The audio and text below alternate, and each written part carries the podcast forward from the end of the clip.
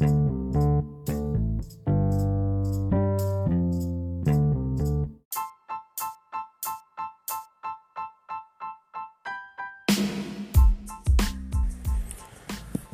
everyone.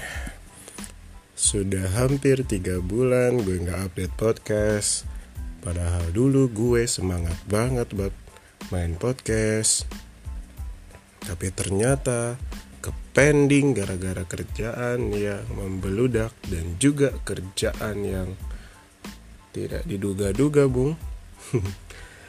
Nggak deng sebenarnya ya karena kerjaan juga terus juga karena apa? Ya percintaan lah ya yang lumayan amburadul tuh. Terus juga karena ya maintaining maintain ya maintaining my social life lah intinya kayak gitu. Karena gue kan temennya banyak banget ya di luar sana. Nggak ada yang canda. Oke okay, well um, ya, podcast yang sekarang ini gue mau bahas sedikit tentang bisnis. So Enjoy di podcast gue episode 5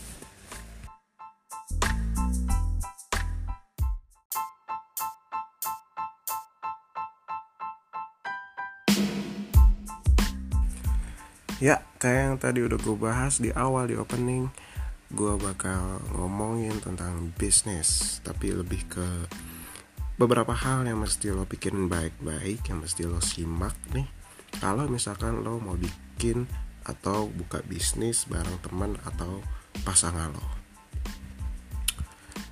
Um, aduh mati lagi HP gue. Ya jadi buka bisnis sendiri atau bareng temen emang udah jadi apa ya? Udah jadi mimpi lah ya buat sebagian orang. Ya gak sih?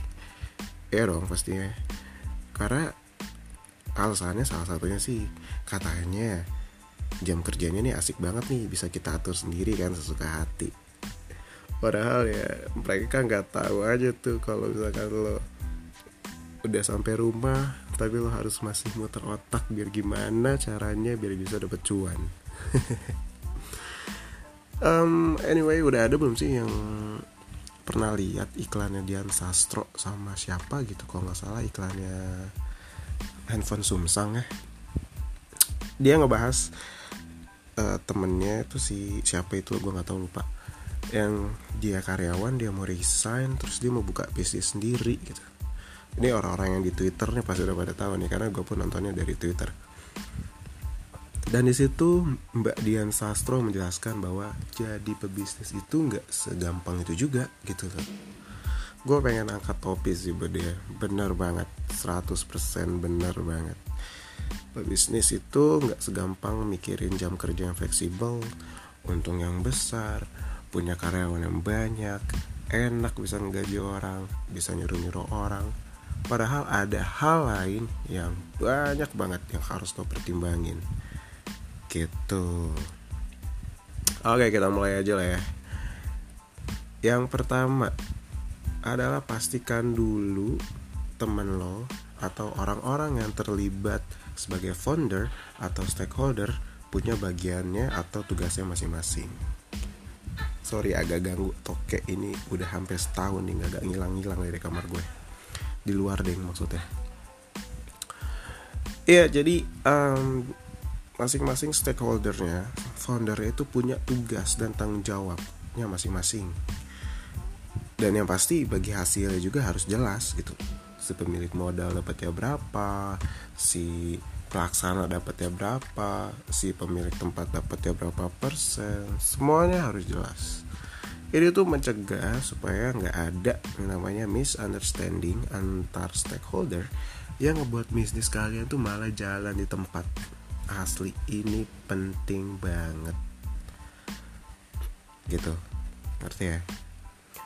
Yang kedua, abis mau ini dapat tugas nih ya, udah nih misalkan si A lo tugasnya gini si B tugasnya gini lo di operational lo di marketingnya lo di finance nya lo di mananya sepakati juga dari awal bahwa setiap stakeholder ini harus siap untuk dikritik kinerjanya harus siap juga untuk dievaluasi ada sebagian orang yang ngerasa kayak aduh segen banget nih gue buat ngekritik si pemilik modal nih. Karena alasannya ya nggak enak aja karena dia pemilik modal gitu loh. Bebas-bebas aja sih dia sebenarnya.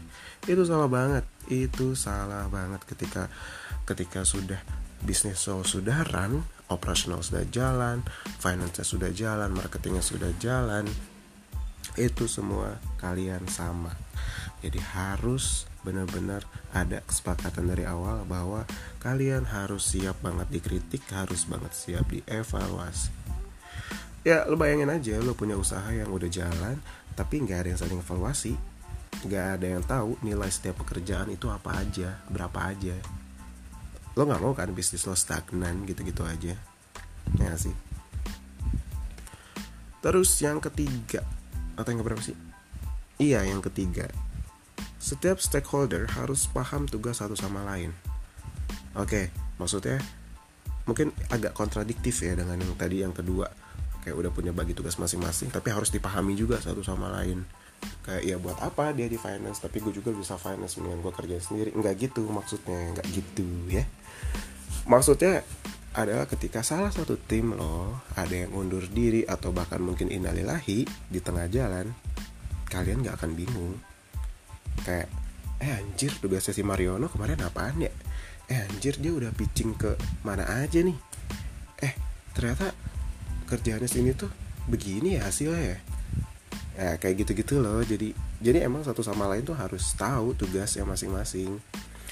Gitu.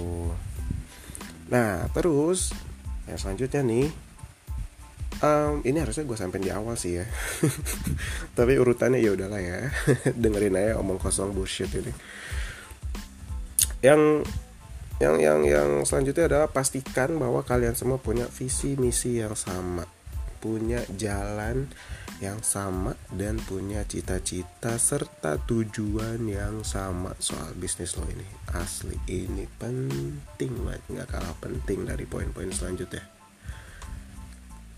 jangan tadinya lo pengen buka bisnis di kuliner nih. Oke udah jalan bisnis lo di kuliner. Tapi partner lo tiba-tiba improve. Di tengah jalan tiba-tiba dia pengen jadi bisnis kuliner berbasis sirkus. Kayak buka bacang sambil lompat ke tali api gitu kan. Ya oke nggak lucu maaf ya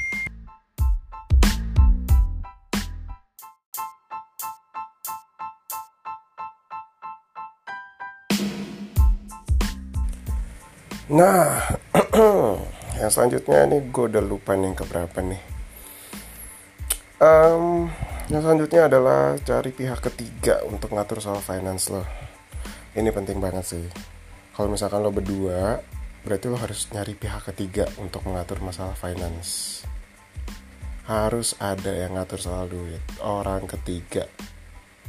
Mungkin kalian mikirnya kayak ah nggak mungkin lah gue selek sama dia nih cuman gara-gara masalah duit padahal ya yakinilah nah kalau nggak ada kesepakatan yang saling menguntungkan kalian bakalan selek pada waktunya. Ya misalkan ketika kalian rugi siapa yang harus nanggung gaji karyawan? Siapa yang ngatur soal utility kantor? Bayar listrik kah bayar air lah apalah. Cicilan modal lo ke bank. Eh sih? hal eh, hal-hal yang kayak gini lah yang harus benar-benar disepakatin. Ini soal masalah keuangan sih sebenarnya. Sepakat aja dari awalnya enaknya gimana gitu. Um, terus selanjutnya lagi jangan pernah ada sensi-sensian. Gue dulu sama partner gue pernah tuh sensi-sensian berapa lama gitu. Gue maunya A dia maunya B terus dia emosi sama gue ngebentak-bentak lah segala macam gue kayak ya elah gini nih kalau emang nggak sejalan nih belum sejalan sih waktu waktu itu ya. Tapi itu dulu sih sekarang sih udah sans banget. Nggak tahu deh apa gue dong yang ngerasa gitu apa gimana nggak tahu ya. Ya intinya kalau misalkan ada masalah yang langsung dikelarin lah langsung diomongin langsung benar-benar clear gitu semuanya. Percaya deh kalau masalah yang di undur diundur diundur atau lo karena tadi balik lagi ke poin yang kesekian yang ya aduh gue nggak enak nih ngomong sama si pemilik modal nih.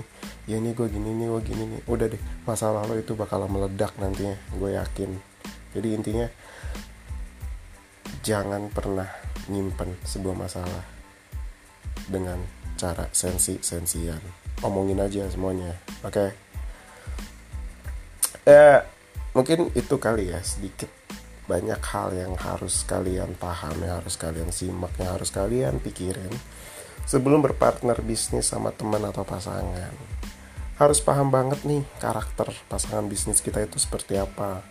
Mulai dari gimana problem solvingnya gimana cara dia cari cuan halal atau haram ya maksudnya. Terus juga gimana dia bisa managing anger. Anger maksudnya kayak manajemen emosinya tuh kayak gimana gitu waktu dan uangnya dia gimana? Maksud manajemen waktu dan uangnya dia gimana maksudnya? Terus juga gue udah dua kali ngulangin anjing. Terus juga gimana cara dia berkomunikasi? I mean apakah dia penuh dengan dialektika dialektika terselubung gitu? Atau dia yang orangnya tipe nyablak atau apa? Lo mesti ngerti banget di situ.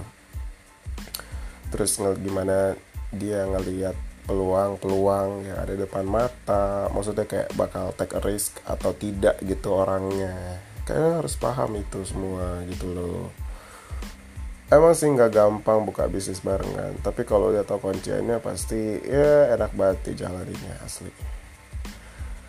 Ya untuk kata eh, kata-kata terakhir nyambung ke iklannya Dian Sastro waktu itu gue juga mau bilang bahwa jadi pebisnis atau pekerja itu sama aja.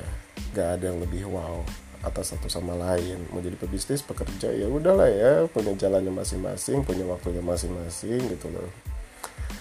Dan oh iya satu lagi nih berdasarkan uh, ini ya pengamatan dan observasi gue gue kan ya sempat berdiskusi lah dengan beberapa orang uh, jadi ada yang ber, jadi gue berpikiran bahwa enak atau enggaknya punya partner bisnis itu enggak atau tidak ditentukan dari dia udah pernah jadi karyawan atau belum. Banyak yang bilang uh, enak kan bisnis tuh sama yang udah kerja jadi lebih banyak ilmunya lebih punya tanggung jawab sama kerjaan dia sendiri dan lebih bisa manage waktu dan lain-lainnya gitu tapi padahal kalau menurut gue sama aja mau jadi karyawan kayak sebelumnya atau emang langsung terjun ke dunia bisnis kayak ya kalau emang udah otak bisnis mah ya enak-enak aja maju barengnya. Jadi sama sekali itu nggak di nggak di apa nggak dipengaruhi oleh apakah dia pernah jadi karyawan atau enggak sama aja sebenarnya gitu. Ya, yeah, well, sekianlah podcast bullshit gue, podcast remedy gue. podcast omong kosong ini episode kelima yang gue update tiga bulan sekali. Ada yang mungkin pada sekarang mungkin gue akan berusaha untuk reguler update podcast ya terus-terusan. Semoga doakan saja bisa gue bisa membawakan topik-topik yang lebih bullshit lagi daripada yang sekarang. Well, see you on my next episode. Bye bye.